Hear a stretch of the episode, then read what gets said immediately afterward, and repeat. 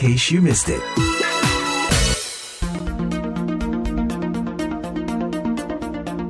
Dengar Anda tengah mengikuti acara In Case You Missed It dari VOA Voice of America Washington DC bersama saya Leona Triono. Selain melalui streaming di website kami www.voaindonesia.com dan lewat siaran stasiun-stasiun radio afiliasi VOA di Indonesia, acara ini juga bisa disimak melalui podcast In Case You Missed It atau HME lewat aplikasi langganan Anda. Belum lama ini, ada seorang pebasket Amerika namanya Justin Holiday, mantan pemain Indiana Pacers, memborong batik dari Blitar. Berita itu tersebar luas di berbagai media Indonesia dan tentu saja melalui media sosial juga. Misalnya sempat disampaikan dalam cuitan di Twitter oleh Menteri Pariwisata dan Ekonomi Kreatif Sandiaga Uno. Oleh karena itu, dalam program ICMI kali ini, kami ingin berbicara mengenai batik tentu batik Indonesia yang dahsyat itu. Kami sangat beruntung bahwa pagi ini hadir dua tamu yang sangat paham mengenai seluk-beluk batik dan diharapkan bisa berbicara banyak tentang topik ini. Pertama, Bapak Hartono Sumarsono, seorang pakar batik dan juga kolektor batik Kemudian kedua, Bapak Stanley Harsha, mantan diplomat Amerika di Jakarta yang hingga saat ini menaruh minat besar akan Indonesia dan tentu saja juga cinta batiknya. Mungkin ada tambahan informasi dari Pak Hartono, silakan. Nama saya Hartono Sumarsono, seorang kolektor batik. Sejak tahun 1983 saya mulai mengumpulkan batik-batik tersebut dan tahun 2011 saya membukukan batik salah-salah batik yaitu batik pesisir. Sampai saat ini saya sudah membuat lima buku batik untuk mengenang bahwa di Indonesia adalah sumber batik-batik yang ada. Pak Stanley Harsha, silakan. Oke, okay, saya Stanley Harsha, bekas diplomat yang bertugas selama 12 tahun di Indonesia. Saya pencinta Indonesia, saya pencinta batik dan saya pencinta istri saya Heni Mangguniporo dari Solo dan semua cerita tentang hidup saya di Indonesia bisa membaca di buku yang saya menulis seperti bulan dan matahari dari Kompas Gramedia kalau mau hmm. tahu lebih lanjut. Terima kasih. Terima kasih Pak Stanley. Cinta Indonesia, cinta batik. Baik, kita langsung saja dengan topik kita kali ini, batik. Saya mulai dengan Pak Arsya ya Pak ya. Menurut Bapak, apa yang membuat orang asing seperti Justin Holiday ini tertarik pada batik Indonesia dan mungkin juga bisa dijelaskan tentang minat Bapak sendiri? Tadi sudah dikatakan cinta Indonesia, cinta batik Indonesia, kemudian cinta orang Indonesia. Kenapa cinta batik Indonesia? Mungkin saya orang asing yang cinta batik adalah karena itu punya motif-motif yang sangat khas, yang sangat variasi dengan warna-warna yang sangat bagus. Dan kalau seperti orang yang seperti Justin Holiday, mungkin karena dia pemain basket, orangnya sangat ekspresif, dari dia suka batik seperti Blitar atau batik tambal itu. Karena itu mungkin mengekspresikan personalitas dia sendiri saya suka batik karena sangat enak pakainya. Jadi itu sangat santai bisa pakai batik. Kalau di Indonesia tidak terlalu panas dan bisa dipakai secara informal atau secara formal. Kalau di Amerika, orang Amerika suka yang suka pakai batik karena itu ada sesuatu yang sangat-sangat indah karena itu batik lebih dari kemeja itu seperti kesenian. Jadi itu saya pikir eh, itu sebabnya orang Amerika yang suka pakai batik. Apalagi kalau di daerah pantai. Iya Pak, terima kasih. Pak Hartono. Hebat, senang sekali. Wah, cinta batik betul-betul. Terima kasih Pak Stanley. Ya, kemudian Pak Hartono sendiri bagaimana? Kenapa orang asing perlu dan patut meminatinya itu? Kehebatan batik mungkin Bapak bisa cerita sedikit gitu Pak. Mungkin karena batik itu kan etnis ya.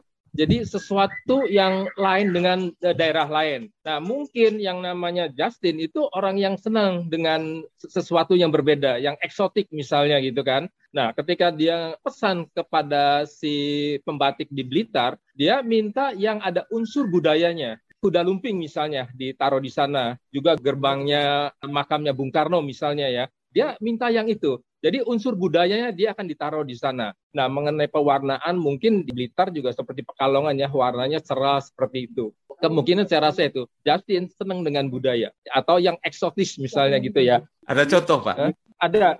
Ya, nih ini lihat Nah, yang sebut kuda lumping, saya rasa setiap orang pun akan senang melihat itu gitu ya, bukan hanya Justin aja, karena batik kita tuh luar biasa bagusnya gitu. Nah, kita lihat kuda lumpingnya nih, dia minta yang seperti itu gitu. Jadi sesuatu yang memang beda, yang belum pernah Justin lihat mungkin ya. Jadi dia tuh senang budaya gitu. Masuk akal sekali. Terima kasih banyak ya. Pak Hartono. Ini juga tidak tahu ya eh, bagaimana linknya bisa masuk ke Justin gitu. Justin andai kata ngelihat batik Solo pun dia akan suka. Dia lihat batik Cirebon pun akan suka gitu ya. Karena memang batik punya ciri sendiri. Seperti Pak Stanley katakan bahwa batik sesuatu yang ada budayanya. Bukan hanya sekedar cuman hanya pakaian, tetapi sesuatu yang betul-betul menarik bagi orang asing gitu. Tiap daerah itu unik juga gitu Pak ya? Unik. Bapak sebagai kolektor ini ya, Oke. Okay. mungkin bisa cerita singkat saja mengenai alasan Pak Hartono ini mencintai batik dan seberapa besar koleksi Bapak ini, kalau boleh tahu? Saya orangnya senang yang keindahan gitu, barang-barang indah atau barang seperti kayak batik kayak gitu ya. Waktu tahun 83 itu saya sering beli keramik Cina di daerah Jalan Surabaya, itu tempatnya orang antik. Nah, saya beli itu keramik-keramik Cina. Di sana saya mendengar orang-orang pedagang sana ya, orang Minang katakan bahwa batiknya itu bagus-bagus, dibawa oleh orang-orang mancanegara. Sekali waktu dia bilang nanti batik bagus tidak ada lagi di Indonesia. Wah, hati saya rasanya prihatin juga ya. Saya sendiri bisnisnya batik. Nah, makanya saat itu saya mencari batik. Yang namanya Hartono kalau udah mencari kayaknya ya begitulah gitu ya. Jadi langsung terkumpul banyak. Seperti itu. Banyaknya itu berapa, Pak? Ya, 2000 adalah. Dari mana saja ya. Pak itu koleksinya? Hampir seluruh daerah Indonesia. Jadi kalau bicara batik ini sebenarnya tidak hanya di Jawa, tapi juga di luar Jawa Pak ya? Ya, kalau dulu itu di Sumatera. Ya, ada di daerah dekat Palembang sana ya, Jambi. Tapi pembatiknya dulu sekali itu dari Cirebon. Dari Cirebon dibawa ke sana. Nah, seperti gitu. Jadi banyak dari daerah lain pun demikian. Jadi selalu mereka ambil itu dari Pekalongan atau Solo ya, yang sentra-sentra batik betul dari Jawa. Dari mereka baru buat. Misalnya di Sidoarjo juga ada, ya seperti itu. Dia ambil pembatiknya dari Pekalongan, lalu dibuat di Sidoarjo misalnya gitu. Seperti oh, itu. Iya, jadi mereka mengimpor pembatiknya ya? Iya. Kalau ini Pak, ini mungkin pribadi sekali. Dari koleksi Bapak ini mungkin ada yang menjadi favorit gitu? Yang dari mana itu kira-kira? Setiap daerah lain-lain gitu Pak. Ini memang agak sulit ya. Ini yang susah dibicarakan karena kalau ketika kita memperlihatkan batiknya itu semua bagus. Jadi susah. Ya ada sih memang favoritnya ya. Ada satu yang dari Cirebon itu bed cover gitu. Bed cover ini sangat jarang dan itu penuh dengan makna dari motif-motif itu dari hewan-hewan macam-macam. Nah, itu merupakan simbol-simbol. Nah, itu yang mungkin yang sangat jarang sekali di dunia gitu. Pak Stanley mungkin ada komentar tambahan saya adalah menurut saya yang khas batik Indonesia atau khususnya apalagi batik Jawa adalah tidak ada saingannya karena khas. Kan China, Tiongkok, dan Malaysia tidak bisa buat yang seperti Indonesia berbeda batiknya.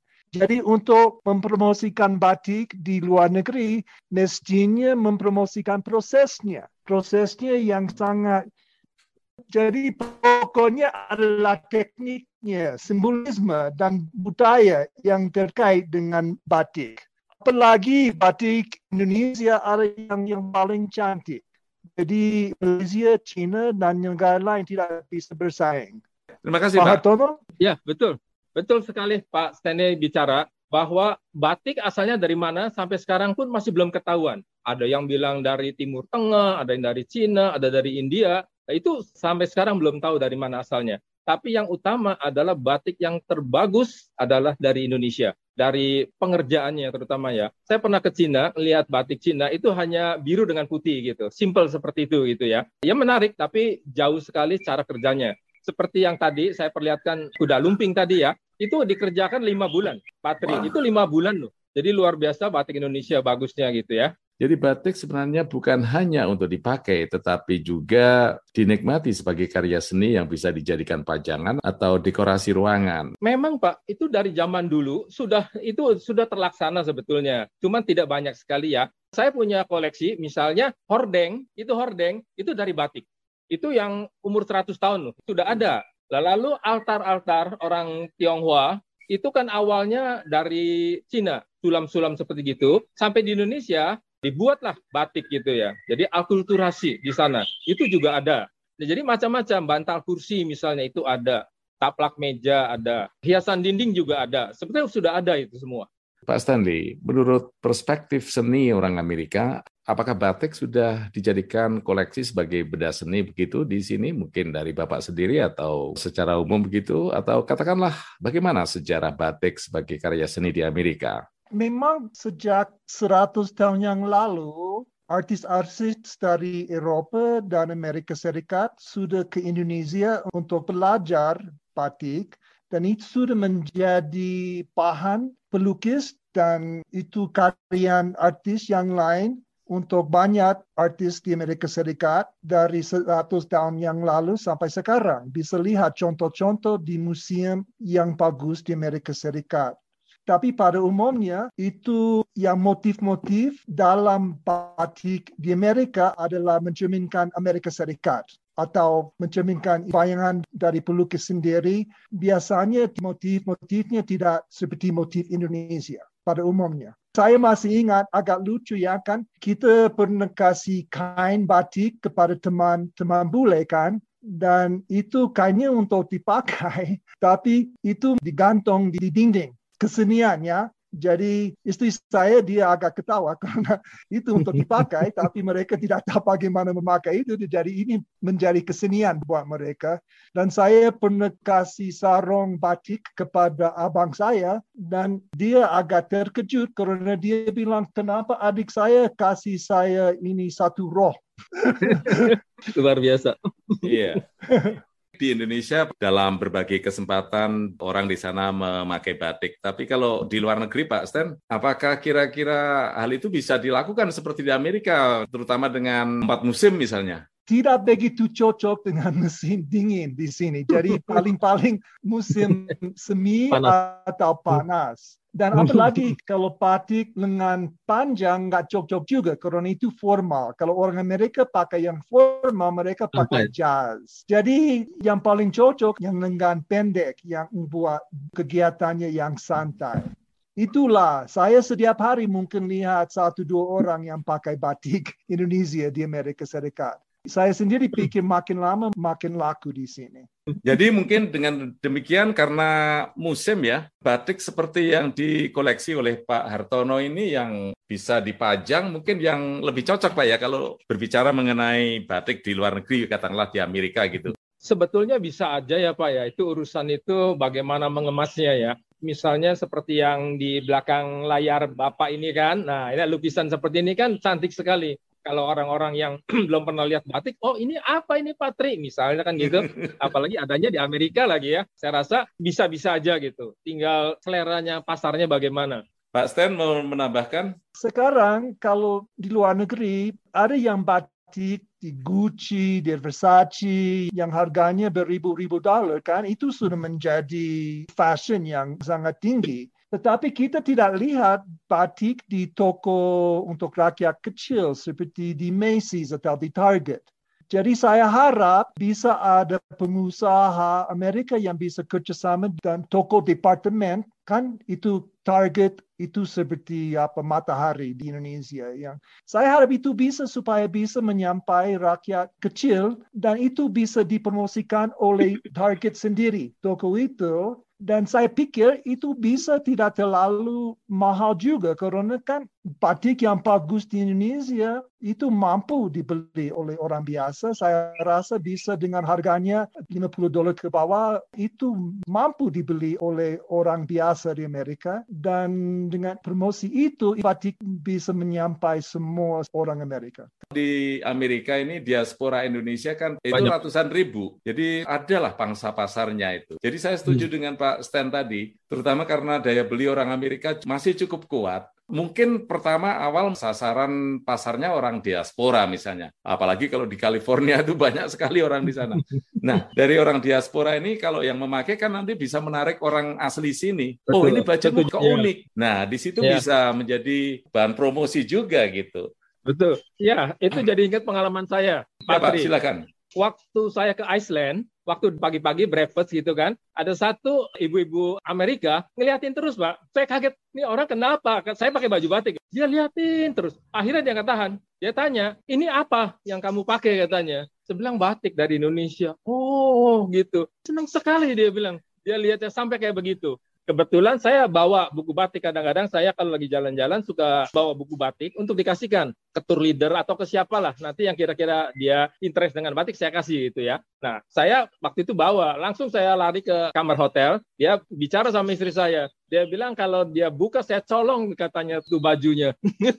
Senang sekali dengan batik. Pak Artono ini cara promosinya bagus sekali. Langsung dipakai dan juga siapkan hmm? buku juga Pak ya Baik pendengar, sekali lagi terima kasih untuk Bapak Hartono Sumarsono dan Bapak Stanley Harsha yang telah bersedia meluangkan waktu dan berbagi dengan pendengar dalam acara Encase You Missed It VOA pagi ini. Terima kasih Pak Hartono dan Pak Stanley. Terima kasih. Terima kasih.